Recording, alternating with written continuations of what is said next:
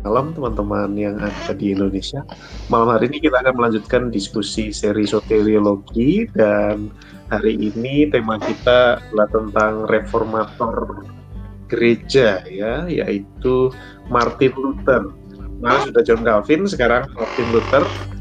Uh, Bung Nindyo kali ini yang akan menjadi narasumbernya. Silakan Bung Nindyo dimulai aja supaya kita tidak terlalu membuang banyak waktu ini. Uh, saya memang tidak expert di Luther, tetapi tahun 2010 antara kaum Lutheran dengan Mennonite sudah terjadi rekonsiliasi.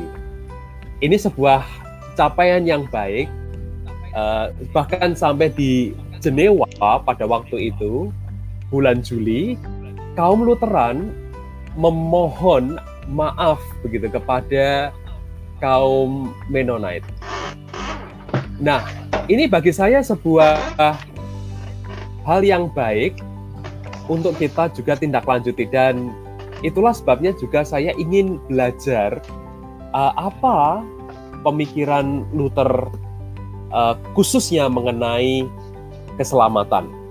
Nah, melanjutkan hal yang kemarin Ibu DS, jadi kita akan mencoba membedah dari buku ini Christian Theologies of Salvation dan artikel tentang Luther di sini ditulis oleh profesor dari Westminster Theological Seminary yaitu Carl Truman. Nah, tetapi saya akan nanti saya akan memberikan tambahan. Kita sudah ketahui, ah Luther itu uh, pokok utamanya adalah justification by faith dan sebagainya dan seterusnya. Nah, tetapi ada hal yang menarik diskusi yang nanti kita akan lihat lagi.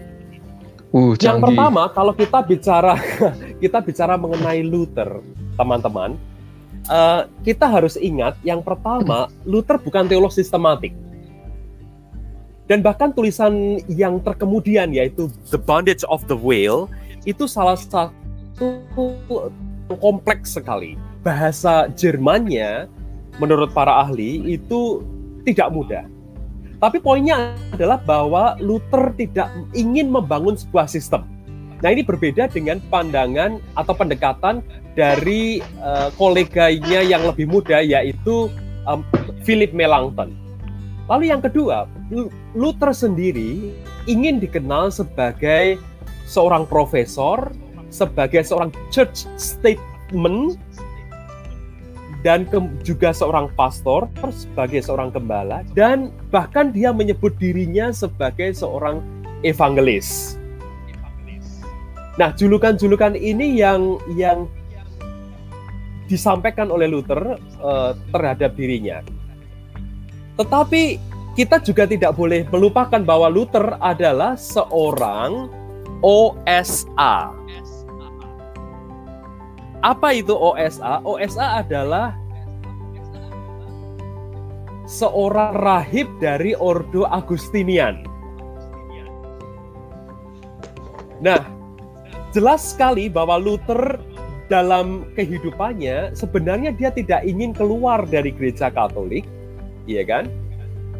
Uh, dan dia ingin memperbarui dari dalam gereja itu, tetapi kalau nggak salah pada tahun 1521 ya di Diet of Worms itu uh, kemudian Luther di anatema dan dia kemudian tidak boleh lagi uh, menjadi bagian dari uh, gereja Katolik. Nah, tetapi di sini sebagai seorang Agustinian perkembangan teologi Luther tidak bisa dipisahkan dari yang bernama Johannes von Staupitz. Nah, Staupitz inilah yang mengajar Luther untuk mencintai anugerah, mencintai kemurahan Allah begitu. Dan dia juga yang memperkenalkan Luther pada mistisisme Bernard dari Clairvaux. Nah, di sini menarik juga kalau kita melihat uh, perbandingan antara Luther dengan Calvin. Nah, sama-sama dua orang ini dipengaruhi oleh Bernard dari Clairvaux. Nah, apalagi Luther di sini seorang uh, Agustinian. Nah, apa pentingnya Agustinian thinking dalam kehidupan Luther? Nah, nanti kita akan melihat, teman-teman.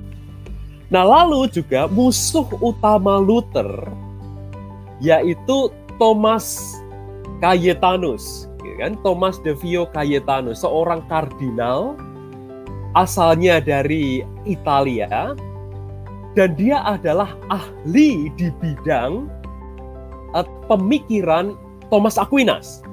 Nah, pada waktu itu kita melihat ada pertentangan sedemikian dahsyat antara orang-orang dari stream Agustinian dengan orang-orang dari stream Thomas. Nah, dari kaum Thomas ini kemudian mereka menafsirkan pemikiran Thomas uh, sangat strict gitu kan ya, sangat-sangat ketat. Nah, Luther membaca Agustinus kembali dari kacamata yang berbeda. Kacamata yang seperti apa? Nanti kita akan melihat. Tetapi kita juga akan penting untuk melihat di sini bahwa uh, Luther punya problem eksistensial Anfechtungen, pergulatan batin. Karena dia seorang rahib Agustinian, dia sendiri mengaku bahwa dia itu punya pergumulan untuk mencapai kesempurnaan diri gitu kan dan dia melihat Allah sebagai seorang yang uh, sosok yang menakutkan gitu kan Allah yang selalu siap untuk memberikan uh, penghukuman bagi dia. Nah, itulah yang yang menjadi pergumulan Luther sepanjang kehidupannya. Nah, sehingga ketika dia menemukan kembali Injil, Luther menemukan pembebasan kemerdekaan dari Anfektungen ini, ya pergulatan batinnya ini. Nah, tapi kita akan melihat lebih uh, luas lagi ini teman-teman ya.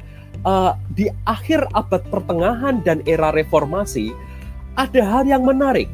Karena pada waktu itu sekalipun para skolastik yang diwakili misalnya tadi Thomas uh, Kayetan atau Kayetanus tadi yang mencoba mengatakan mencoba melihat bahwa keselamatan tidak mungkin dipisahkan dari gereja dan itu berarti semua orang Kristen harus berpartisipasi dalam kehidupan gereja dan itu berarti keselamatan tidak bisa dipisahkan dari sakramen.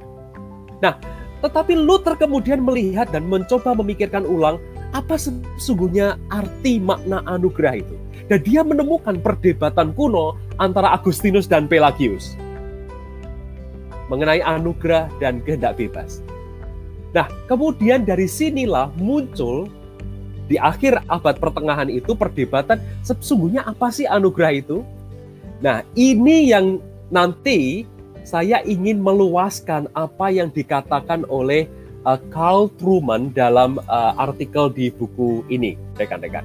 Nanti kita akan melihat. Selanjutnya, uh, keselamatan juga sangat uh, penting untuk dilihat dari dua sisi ini. Apakah dia sebuah event? Apakah dia sebuah proses? Nah, abad akhir abad pertengahan dan era reformasi khususnya memahami keselamatan baik sebagai peristiwa maupun sebagai sebuah proses yang terus-menerus. Nah, itulah sebabnya kalau kita mengingat apa yang kita sudah diskusikan di dalam uh, vlog kita mengenai Calvin, rekan-rekan semua, um, dipisahkan atau ada semacam distingsi begitu ya antara justification dengan sanctification. Walaupun kita juga sudah melihat uh, apa yang dikatakan oleh Pak Billy sebelumnya antara justification dan uh, sanctification itu intermingle. Nah, tetapi aspek ini juga ada pada Luther. Apakah keselamatan itu sebuah event atau sebuah constant proses? Nah, Luther khususnya dalam tulisan-tulisan awalnya dia memang uh, agak mix di sini. Dia melihat justification itu juga sebuah proses. Nah, distingsi ini tidak jelas ditarik garis batasnya oleh Luther, tetapi di kemudian hari memang diperjelas, dipertegas oleh Melanchthon. Tapi bukan oleh Luther sendiri. Sekali lagi kenapa? Karena Luther bukan seorang pemikir sistematik. Dia tidak ingin membuat uh, sebuah sistematik teologi. Nah, kalau kita mau masuk kepada pemahaman Luther mengenai keselamatan, teman-teman, kita juga harus melihat makna keselamatan di dalam Alkitab. Nah, di dalam Alkitab tidak ada satu kata untuk menjabarkan, mendefinisikan keselamatan.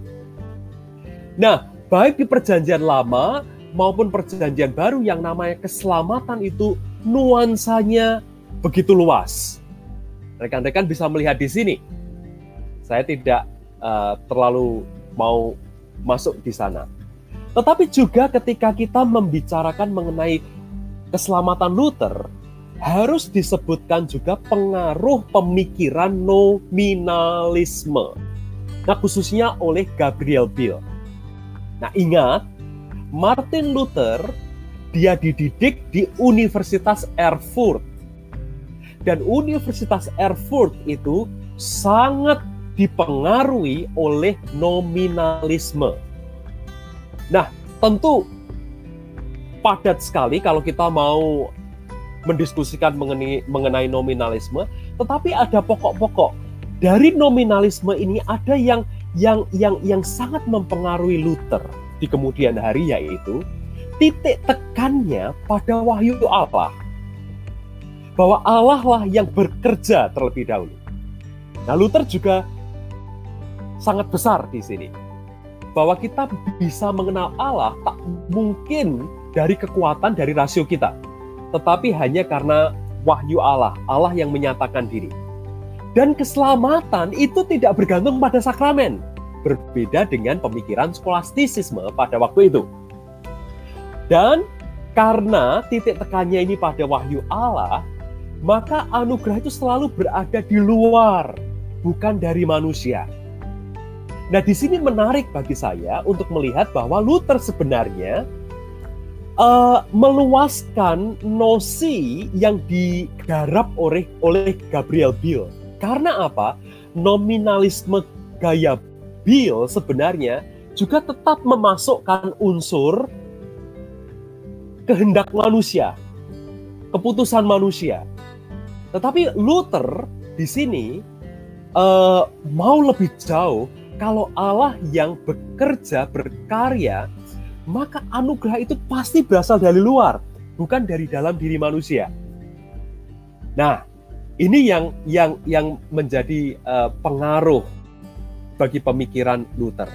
Nah, sekarang kita masuk. Apa sih yang Luther pikirkan mengenai keselamatan? Yang pertama, kita harus melihat apa itu dosa. Nah, menurut Carl Truman, dia membaca bahwa uh, dosa itu berarti manusia sedang berada di dalam status kematian. Human beings are hopeless. Tidak ada pengharapan lagi bagi manusia. Jadi keadaan manusia itu bukan pingsan tetapi mati. Ya. Nah, kalau begitu, kalau manusia itu mati, maka apa yang disebut sebagai kasih Allah apa itu kasih ilahi? Nah, kasih ilahi bukan uh, manusia bisa menyenangkan Allah. Ini standar manusiawi. Tetapi bahwa kasih ilahilah kasih ilahi itu itulah yang menciptakan kebaikan dalam diri manusia. Nah, lalu keselamatan asalnya dari mana? Kalau keselamatan itu berasal dari kasih ilahi, maka keselamatan itu pasti dari luar, tidak mungkin dari dalam manusia. Karena apa? Tidak ada yang baik dari diri manusia. Kebaikan manusia tidak bisa mengundang belas kasihan Allah supaya Allah bekerja kepada manusia atau atas nama manusia, menolong manusia. Nah, dengan demikian apa itu iman? Nah, menurut Carl Truman, rekan-rekan semua, iman itu anugerah Allah. Gitu kan? Dan karena itu manusia hanya bisa humil humble di hadapan Allah. Titik tekannya pada humility di sini. Bahwa manusia tidak mungkin menggapai anugerah Allah. Nah, jadi iman itu bukan karena perbuatan baik. Nah, kalau begitu menjadi seorang teolog. Nah, ini khususnya di perdebatan Luther di Heidelberg tahun 1518 Luther memisahkan antara uh, teologi kemuliaan dan teologi salib. Nah, teologi kemuliaan itu adalah teologi yang yang bisa memakai rasio untuk mendekati Allah. Tetapi Luther mengatakan nggak mungkin, nggak mungkin. Nggak mungkin manusia itu bisa mendekati Allah dengan rasionya, dengan akalnya, tapi hanya salib. Itu berarti kebergantungan penuh manusia kepada uh, karya Kristus. Nah, kemudian implikasinya apa? Nah, Carl Truman membaca secara klasik di sini uh, status orang percaya itu sekaligus berdosa, sekaligus orang benar, itu ya. Atau yang sangat terkenal itu simul justus et peccator. Tetapi Carl Truman juga melihat bahwa titik tekan dari Luther sama seperti Calvin yang uh, Cak Perdian sudah bahas yang lalu, uh, titik tekan Luther itu juga pastoral. Karena tadi kita sudah di awal ketahui Luther ingin menyebut dirinya atau ingin disebut sebagai seorang gembala, seorang pastor. Nah, ini. Nah, sampai di sini bagi saya tidak masalah dengan uh, Carl Truman tapi saya ingin meluaskan percakapan yang ada di buku ini, seperti tadi yang saya janjikan. Dan ini mungkin Bung Adi akan tertarik ini. Bagaimana dengan kalimat Luther yang ini? Ini di Luther Work, buku pertama, um, nomor 28, 25 sampai 32. Nah, rekan-rekan bisa melihat di sini ya, saya akan bacakan. Luther menulis demikian, sebagaimana firman Allah telah menjadi daging, maka tentu juga niscaya bahwa daging menjadi firman. Sebab sesungguhnya firman menjadi daging supaya daging menjadi firman. Dengan perkataan lain, Allah menjadi manusia agar manusia menjadi Allah. Maka yang maha kuasa menjadi tak berdaya supaya yang tak berdaya menjadi kuat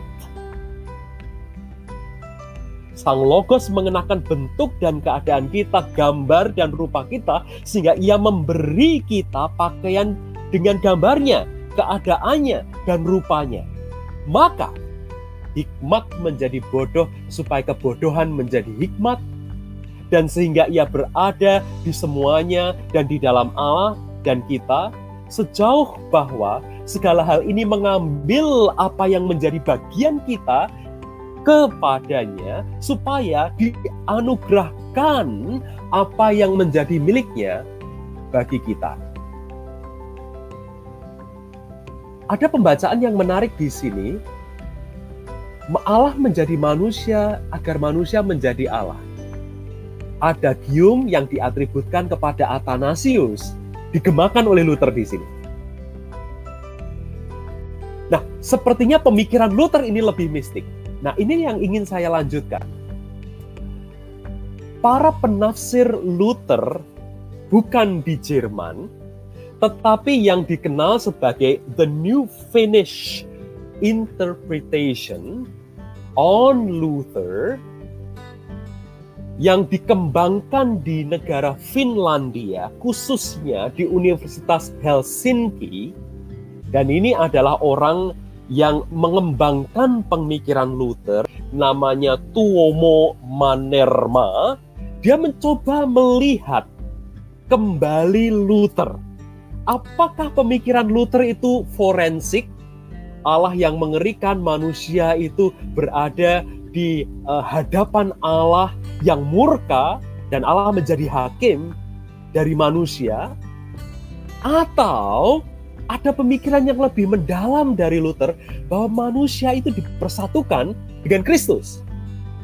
Nah, Manerma memilih interpretasi yang kedua. Dia mencoba melihat pemikiran Luther supaya bisa berdiskusi lebih lanjut dengan pemikiran ortodoks, khususnya dengan teosisnya.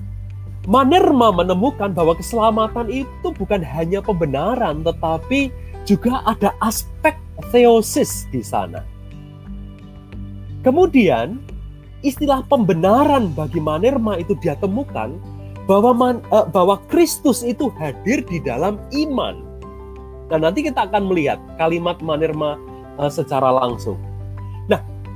Manerma juga melihat bahwa Luther sama sekali tidak membedakan antara pembenaran yang forensik dengan pembenaran yang efektif. Dia tidak uh, memisahkan definisi ini. Dia tidak membuat distingsi yang jelas mengenai apakah uh, pembe pembenaran itu uh, adalah Allah yang duduk di tahta penghakiman dan manusia itu di kursi pesakitan sebagai pihak terdakwa yang sebentar lagi akan menerima keputusan dari sang hakim atau efektif mengubah orang yang percaya. Tadi di awal saya sampaikan bahwa Luther memang di, di, di, uh, tulisan-tulisan awalnya tidak membuat distingsi antara pembenaran dan sanktifikasi, pembenaran dan pengudusan. Buat Luther, pembenaran ya keputusan Allah sekali, tetapi juga proses selanjutnya. Nah, maka dia melihat di sini pembenaran bukan hanya pengudusan, gitu kan? Artinya sudah diselamatkan, lalu dampaknya apa, gitu kan? Nah, Manerma mencoba untuk mengubah cara pandang ini, tetapi dia melihat bahwa kalau Kristus hadir di dalam diri saya melalui iman, maka saya menjadi Kristus bagi sesama saya. Nah, bagi saya ini pemikiran yang yang menarik ini. Jadi kehadiran Kristiani justru menunjukkan bahwa uh, mereka sudah memiliki Kristus dan mereka hadir untuk sesama mereka. Tuomo Manerma menulis begini.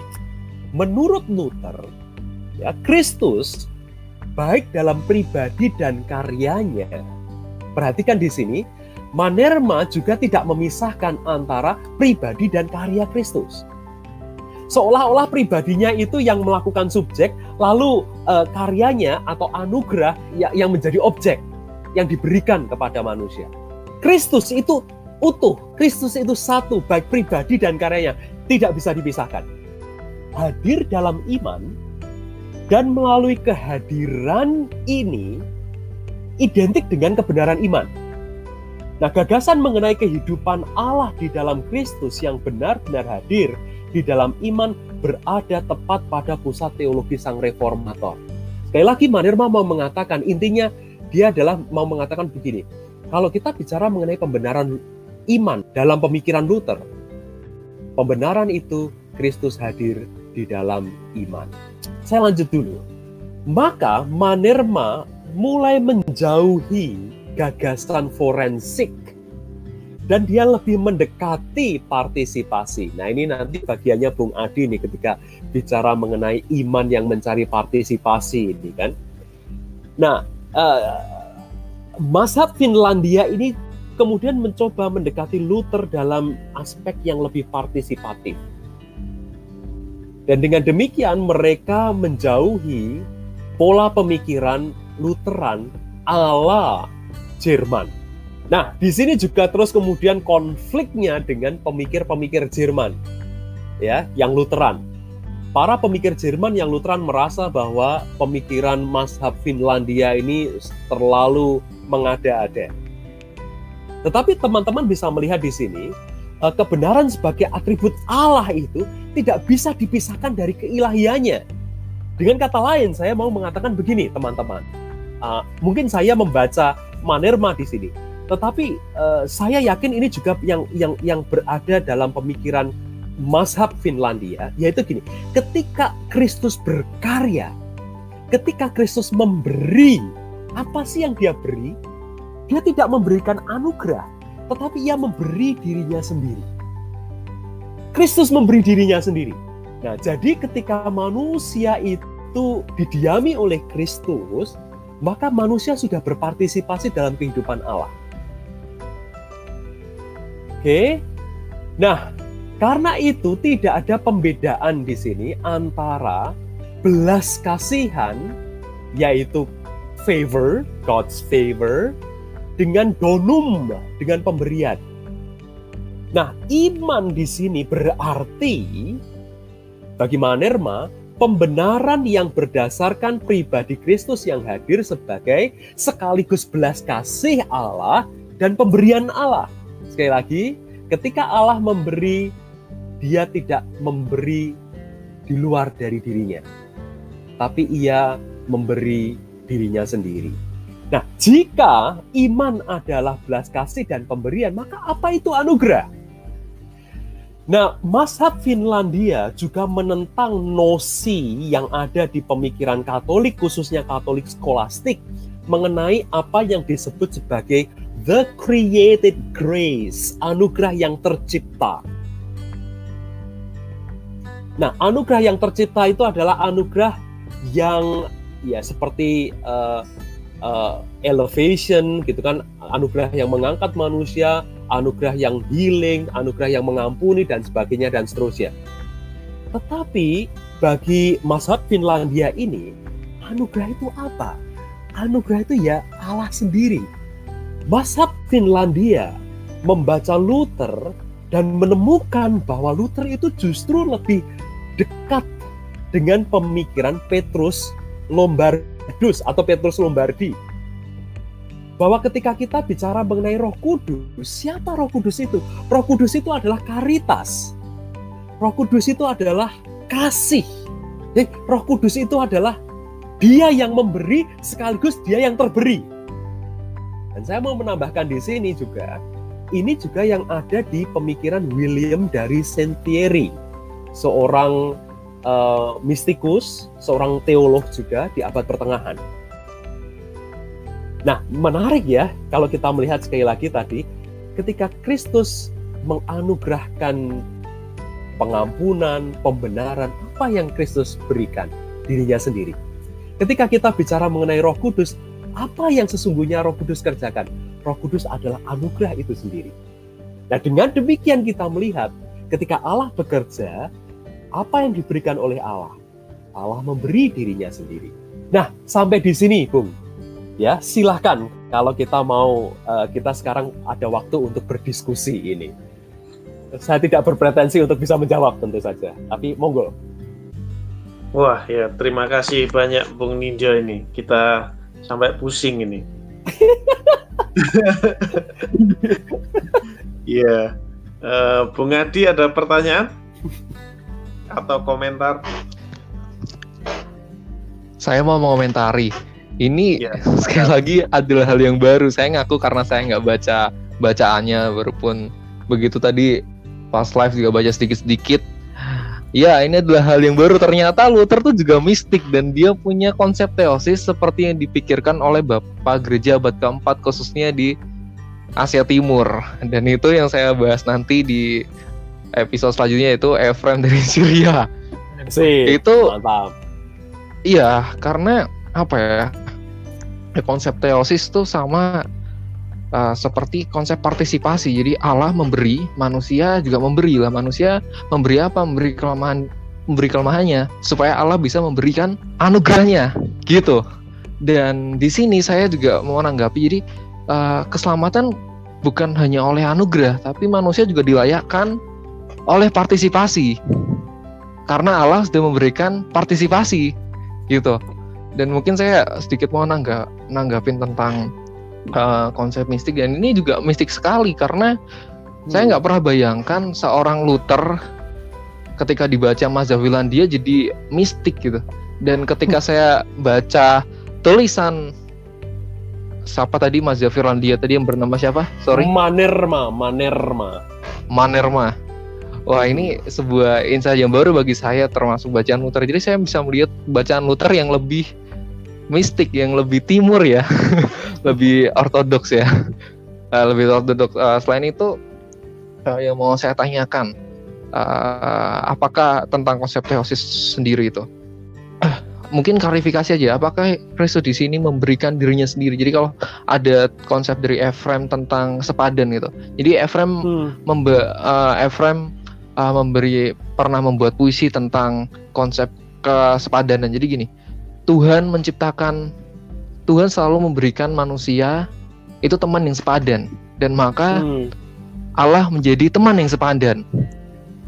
Teman Kristus yang sepadan. Lah, apakah ketika manusia dan bersama Kristus dalam satu kesatuan apakah manusia ada manusia ada dalam bagian relasi kesepadanan itu atau masih ada apa ya masih ada uh, relasi kuasa atau semacamnya uh, maksudnya semacamnya ini atau yang ilahi terus yang apa ini yang gak ilahi ada jurang ontologis apa jurang ontologis yang besar itu benar-benar terlebur dalam uh, teosis itu sendiri.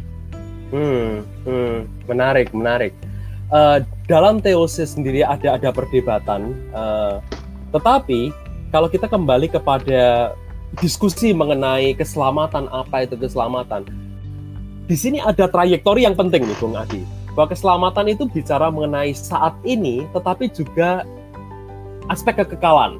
Ada kesementaraan, tetapi ada kekekalan. Ada materi, ada non materi. Nah, di sini eh, kekristenan melihat bahwa Kristus itu perpaduan dari keduanya. Kristus itu ya yang material dan yang imaterial, gitu kan? Kristus itu ya yang sementara sekaligus yang tidak sementara, yang kekal. Nah, jadi jadi perpaduan keduanya itu ada di dalam Kristus. Maka begini, perjalanan kita itu adalah seperti Kristus. Kita nggak mungkin akan sampai kepada Allah Bapa yang yang tidak kelihatan ya. Tetapi apa yang kelak jadinya kita itu seperti Kristus, gitu kan? Nah, di sinilah di sinilah uh, tensi kalau saya boleh katakan ketegangan uh, antara apa yang kita sekarang ini sedang alami dengan kelak nanti uh, kita itu seperti apa. Nah, kita hanya bisa melihatnya itu seperti Kristus itu, Bung Adi. Gitu. Nah, di sini terjadi interpretasi yang macam-macam dari berbagai macam tradisi uh, kekristenan. Tadi ada pertanyaan kan, kalau misalnya seandainya proses menuju kekekalan itu belum selesai, belum tuntas, dan kita sudah mati, Gimana caranya? Maka teologi Katolik menjawab, ada purgatori di situ. Purgatori itu apa? Purgatori itu tidak lain dan tidak bukan adalah ekstensi dari sanktifikasi atau pengudusan yang dilanjutkan setelah kematian. Belum tuntas, belum selesai. Sampai pada akhirnya nanti manusia mencapai kesempurnaan kekekalan tersebut. Nah, itu Bung Bung Adi. Jadi sekarang uh, apakah ontologi uh, uh, uh, apa namanya kita akan bisa seperti Kristus itu seperti apa? Nah, bagi pembacaan Finlandia, masa Finlandia terhadap Luther, Luther menemukan bahwa uh, fin, orang-orang Finlandia ini menemukan, khususnya Manerma menemukan, bahwa ketika seseorang itu sudah percaya, maka Kristus berbagian hadir di dalam dirinya. Nah, ingat ya, perdebatan yang klasik itu kan selalu hanya pada sakramen. Apakah Allah hadir pada materi roti sama anggur? Maka Kristus hadir bersama-sama roti dan anggur itu. Gitu kan? Tapi Manerma meluaskan, kalau begitu, apakah kita nanti tidak tidak eh, kembali kepada skolastisisme? itu kan bicara mengenai sakramen, pentingnya sakramen gitu. Tidakkah kita justru melihat bahwa kehidupan manusia itu sendiri sudah didiami oleh Kristus? Kristus sudah bersama-sama dengan kita. Sampai akhirnya kelak nanti kita sungguh-sungguh berbagian secara materi maupun kekekalan seperti Kristus. Nah, ini nanti tugas uh, Bung Adi untuk melanjutkan lagi ini. Bung DS, Berarti nggak cuma upah di surga. upah di surga, tapi memang betul-betul kesatuan kesatuan begitu ya kan. Itu itu itu pembacaannya uh, uh, uh, uh, dan dan dengan demikian ketika kita bicara mengenai kesatuan itu, hidup kita sekarang juga seperti tadi kita sudah menjadi Kristus bagi sesama. Karena kita sudah berada di di uh, Kristus sudah berada di dalam kita melalui iman, maka kita menjadi Kristus bagi sesama. Wah, iya. sungguh teosis. Mantap, mantap. Bung DS? iya, waduh, pusing saya. Sama. Kalau DS pusing ya, saya juga pusing. Iya. Uh, Apalagi aku. jadi sebetulnya apa namanya? Kan ada pandangan klasik ya tentang yes, wah, apa tradisi Luteranisme tuh nyerempet-nyerempet antinomianisme gitu ya. Ah. Jadi, jadi apa anti anti hukum gitu. Hukum. Uh, uh, jadi uh, kita bisa lihat juga kan misalnya uh, posisi Torah gitu. Dalam dalam resep resepsinya begitu ya itu Betul. sampai kesan saya juga cenderung negatif gitu posisi posisi law and grace. Itu kan law apa dilihat cenderung negatif. Sementara dalam tradisi reform itu apa lebih jauh lebih positif begitu. Exactly betul. Jauh, jauh lebih positif. Kita bisa lihat misalnya di Institut Calvin melihat uh, hukum itu sebagai kesaksian tentang Kristus begitu ya. bahkan uh, misalnya ya keterusan lah nanti tapi secara secara tradisi resepsinya menurut saya yang dominan adalah image tentang ya nyerempet-nyerempet antinomianisme ini dalam ya. Lutheranisme. Apakah kalau misalnya itu dilihat sebagai satu kesatuan lalu ini bisa ditepis itu kesan tentang uh, ini dari pembacaan klasik atau pembacaan uh, finish, Bung? Iya, pembacaan finish mungkin ya. Uh, pembacaan finish ini juga betul uh, yang yang yang yang Bung Bung DS sampaikan mencoba memang membaca ulang Luther kontroversinya pasti ada, kita tidak semuanya juga setuju di sini uh, hmm. bahwa uh, titik tekan misalnya Luther yang dikenal sebagai ini ya, yang menekankan antara uh, apa dua dua apa dua kewarganegaraan itu, dua kewarganegaraan itu, itu justru dilihat sebagai sesuatu yang bahaya, gitu, oleh oleh oleh uh, pandangan finish itu. Uh, di sini kalau saya melihat sih memang saya belum belum membaca sepenuhnya, tetapi saya melihat kalau pembacaan finish memang karena Kristus sudah berada di dalam kita, hmm. maka Kristus itulah hukum kita dan itulah anugerah dan itu di atas dari uh, apa namanya hukum-hukum Taurat begitu ya kan karena karena kita sudah sudah sudah berbagian dalam Kristus. Kita sudah dinyatai, dinyat, di, di, di, di, dipersatukan oleh Kristus. Nah, itu yang menjadi standar kita begitu. Mungkin mungkin juga pembacaan yang berbeda di sini yaitu bahwa pada pembacaan yang klasik anugerah itu kan dipahami sebagai pemberian tadi, ya kan? Uh, sudah dikasih gitu kan. Nah, lalu nanti kamu konsekuensinya hidup tidak menurut hukum manusia tetapi hukum Kristus. Tetapi dalam pembacaan uh, Finlandia masa Finlandia ini enggak. Nah, di sini justru justru menariknya uh, ada hal yang yang penting, Bung. Kalau Kristus sudah menjadi bagian dari kita, anugerah itu jadinya conditional atau unconditional. Kalau Kristus itu sudah menjadi bagian dari dalam kita, nah di sini mazhab Manerma ini justru malah berani mengatakan begini bahwa eh, pembaruan spiritual di dalam Kristus itu eh, bukan hanya konsekuensi dari anugerah, tetapi justru merupakan kondisi bagi anugerah. Eh, pembaruan di dalam Kristus itu juga me menjadi dasar untuk kita itu hidup di dalam anugerah. Dan dengan demikian, bagi pembacaan finish ini, anugerah itu conditional. Dalam arti dia menjadi kondisi untuk kita bisa uh, hidup di dalam anugerah. Begitu Bung DS. Saya uh, tadi sambil presentasi saya coba-coba mencari apakah ada yang bisa di-sharingkan. Karena yes. saya lihat sambil lihat-lihat buku ini Walter Altman, Luther and Liberation. Oke, oke, oke, keren, keren. Perspektif. Ya. Ya, jadi saya, saya ketemu di satu bagian dia menulis waktu tentang justification by faith ya. Nah, saya saya penasaran, kira-kira uh, apa dari justification by, by faith itu yang bisa apa membebaskan gitu ya, khususnya kalau dalam perspektif Latin Amerika. Saya mau mau share aja ada tiga poin di sini. Silakan.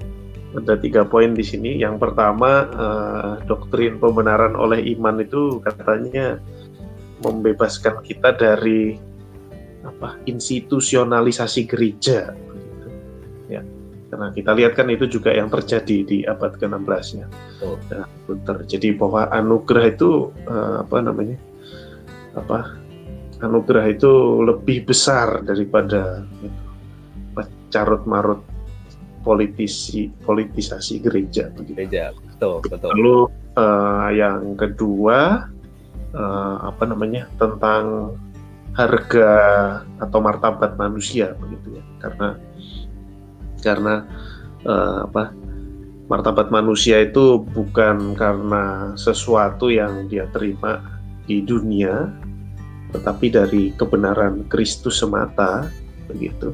Dari kehendak Allah semata sehingga itu bukan bergantung pada uh, apa namanya posisi kita di dunia gitu posisi kita di dunia dalam uh, masyarakat yang sangat tersegregasi begitu secara kelas. Mm-hmm. Lalu uh, dan yang ketiga yang terakhir adalah referensi referensi kita bukan ya itu karena kebenaran Allah begitu ya. Jadi bukan kebenaran yang sering kali dominan dianggap dunia begitu ya misalnya misalnya nilai-nilai dunia bahwa yang benar itu adalah punya harta, kaya, berkuasa dan lain sebagainya itu jelas dinegasi begitu. Lalu uh, sebaliknya juga memberi pesan pembebasan pada mereka yang ada di posisi marginal karena uh, itu seperti seolah-olah mengatakan jangan membiarkan dirimu ditipu ya, oleh hmm. menguasai dunia ini yang uh, menilai manusia berdasarkan kerja. Hmm. Nah di hmm. sini ada apa sedikit uh, apa ada, ada sedikit uh, apa ya ya kalau dalam Luther kan justification not by works ya but by yeah. faith jadi bukan karena kerja bukan seberapa Upah. yang kita Kenapa? Bukan karena upah gitu ya. Iya, bukan karena kerja dapat upah ya. Iya, bukan karena kerja kerja kerja. Kerja. tetapi, tetapi waduh. karena dibenarkan oleh iman gitu. Ya. Oke, ya itu mungkin. Iya, menarik, menarik, menarik. Ya, memang pembacaan ini kan pembacaan yang yang kemudian kontemporer dalam dalam kondisi yeah. yang sekarang. Tapi tapi bagi saya justified pembacaan yeah. itu uh, karena seperti juga pembacaan uh, orang-orang Finnish tadi, orang-orang Finlandia, itu terjadi karena Tuomo Manerma adalah seorang teolog yang ekumenis dan dia lebih banyak berdiskusi dengan um, uh, orang-orang ortodoks dari Rusia.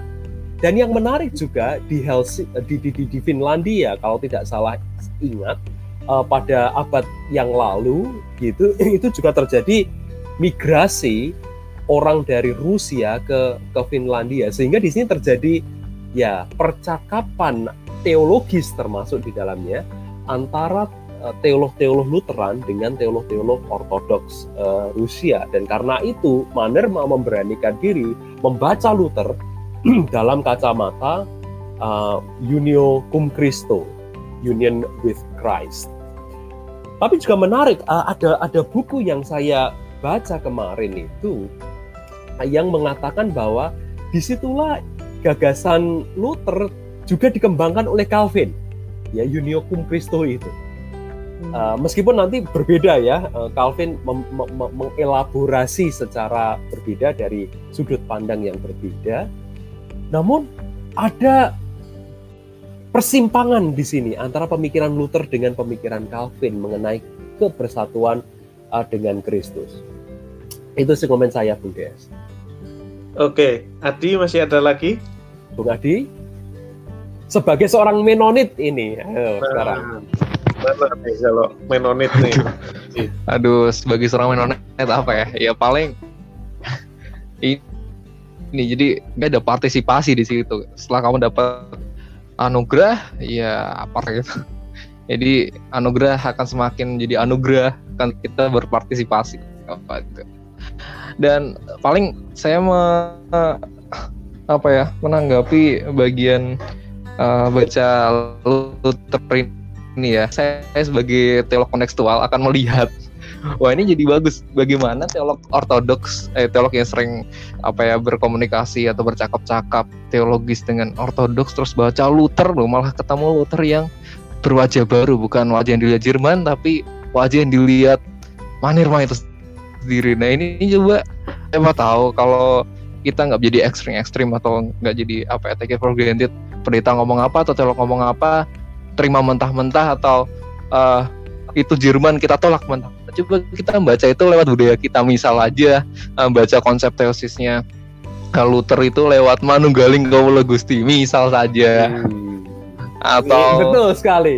Budaya-budaya lain karena apa ya percakapan teologis malah jadi hidup seperti ini. Oh ternyata dalam uh, satu doktrin itu bisa dibaca banyak tradisi dan itu semakin mengayakan semakin ekumenis. Itu sih dari saya Brilian, okay. aku senang sekali. Aku senang sekali. Justru inilah uh, apa gagasan teologi itu kan begini, bahwa kita tidak memberikan uh, preskripsi untuk diikuti, tetapi justru membuat kita itu memacu diri untuk melihat ini loh. Luther itu tidak mati seperti itu, tetapi dia bisa dibaca secara kontekstual, gitu kan? Mm -hmm.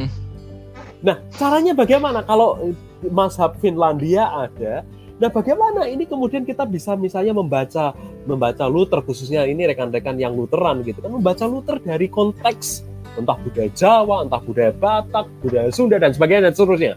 Eh, kita kita bisa bisa bisa mengambil dari sisi itu. Atau nanti misalnya Bung Adi membaca uh, Meno Simons gitu kan secara uh, manunggaling kawulolan Gusti gitu. Atau juga Meno Simons sebagai uh, teolog yang lebih mistik dalam hal ini. Uh, bicara mengenai kebersatuan dengan Allah misalnya. Gitu. Tapi juga ya, apa ya. artinya liberasi gitu kan? Nah, iya. Ada critical retrieval gitu kan. Kita kembali uh, menggali tetapi tidak kemudian membeo tapi kita kritis. Termasuk juga apa yang tadi di, sudah disampaikan oleh Bung DS begitu kan? Ada kekritisan hmm. ketika kita itu uh, membaca uh, Luther. Bagaimana kalau Luther dibaca secara pembebasan? Ya begitu kan? Nah demikian Bung. Silakan Bung. Adi sorry saya potong. Nggak apa-apa. Ini emang sedikit apa ini delay di sini. Um, ya, ya. Saya teringat ketipan Slavoj Zizek tentang liber apa ini pandangan liberal. Jadi justru yang liberal tuh kalau kita nggak mau berdialog, waduh.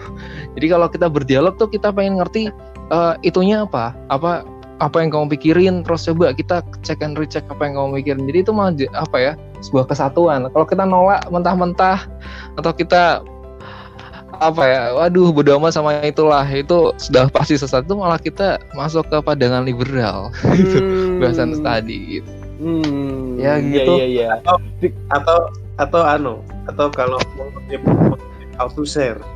Althusser gimana Althusser? Gimana itu? ya menurut dia uh, seorang filsuf dalam dalam apa dalam ya kan dia mencoba mengajarkan ya gimana menjadi seorang filsuf ya ya menurut dia mestinya seorang pemikir ya yang mengikuti cara berpikir seperti ini itu bisa mulai dari mana saja Oke, oke, oke. Betul, betul, betul. Jadi kita bisa bisa memulai berpikir, berfilsafat, berteologi itu dari titik mana saja. Exactly. Mm-mm. Saya setuju. Betul.